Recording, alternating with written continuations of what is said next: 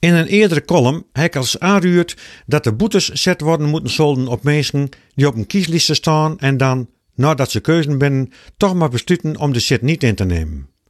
Doe gong het over zogenoemde liestdouwers, die vaak onder aan de lijsten bongelen. Maar na de gemeenteraadsverkiezings komt er ook andere verhelden naar voren. In Houten, Bugelieks, stond op het onverkiesbare 14e plak voor de SGP de 26-jarige Anne Prins van den Berg. Je hoort het goed, een dubbele naam, want Anne Prins van den Berg is een vrouwspersoon. En dat bij de SGP. En of het de heur komt of niet, de SGP kreeg dit keer daar twee zitten, wil ze aan noto maar één in de raad hadden. Bij het nagaan van alle stemmen deed blikken dat vrouw Prins van den Berg ook nog eens zoveel voorkeurstemmen stemmen kregen hadden dat zij de tweede zit innemen mocht. Prachtig mooi voor al die vrouwluden die op haar stemd hebben. Ik ga er tenminste maar even van uit dat het haast allemaal vrouwluden west binnen die het rondien voor haar roodkleurd hebben. De vlaggen zal bij veel van hun stemmers dus figuurlijk wel uit gaan wezen. Niet echt, maar figuurlijk. En dat is me goed ook, want de peer later wordt het duidelijk dat vrouw Prins van den Berg niet in de raad zitten gaat. Ik voelde mij enorm steund, zo was haar reactie, maar ik heb besloten om nooit de raad niet in te gaan en de zit over te laten aan onze enthousiaste nummer 2. Wel verdikken me, denk ik dan. Waarom ga je dan in vredesnaam op die lijst staan? Is dat dan dus alleen maar om stemmen van zoveel mogelijk vrouwluden te krijgen, waardoor er nou twee zitten binnen? Maar al die vrouwen die op je stemt hebben, krijgen nou door jou toedoen twee luden, wil ze op je stemt hebben om reden ze nou correct een vrouw in de raad hebben wilden. Dit kun je in die gemeente nevens mij maar één keer doen en dan ben je daarna die stem voor goed kwijt. Maar ook dichterbij kunnen ze het bond maken. Het CDA in Stellenware Westeinde had een lijst met op de nummers 3 tot en met 6 een vrouw om op te stemmen. Hans Visser, de man die op nummer 2 stond, kreeg 41 stemmen uit de hele gemeente. Wiels op de vier vrouwluden achter hem tussen de 130 en 177 mensen hun stemmen uitbracht hadden.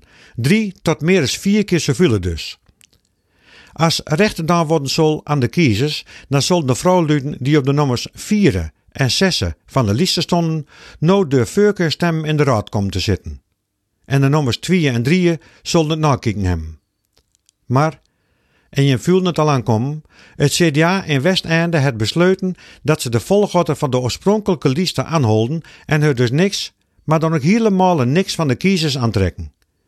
En dan later zeker klagen dat de mensen het vertrouwen in de politiek kwijtraken. Dit is nevens mij poer kiezersbedrag. I skottelen mensen wat voor waar ze uit kiezen mogen en naar wat te keuzen, en dan denk je als bestuur of als raadslid dat je het beter weten als de kiezer. Hoezo democratisch appel? Ik blijf bij mijn standpunt dat hier een vette boete opgegeven worden moeten zal. Dit is een heel verkeerd signaal en het stimuleert de weerstand tegen de politiek.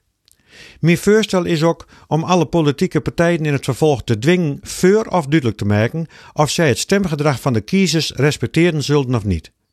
Wil ze dat niet voor of garanderen, dan weet dus als kiezer dat het geen enkele zin heeft en zoek zorgvuldig naar een persoon op de lijst waar die vertrouwen in hem. Ik ben benijd hoe de andere partijen in Westeinde omgaan zullen met hun stemmen.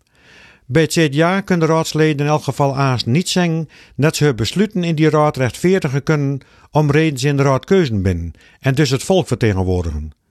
Eén van de drieën is keuzen, de andere twee moet niet te veel praatjes hebben, liet mij zo toe.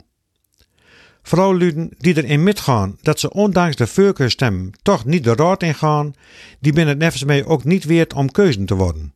Ze laten haar eens inzetten voor heel andere doelen als waar het bij de gemeenteraadsverkiezers echt om gaat. En dat is één keer in de vier jaar luisteren naar wat de kiezers wilden.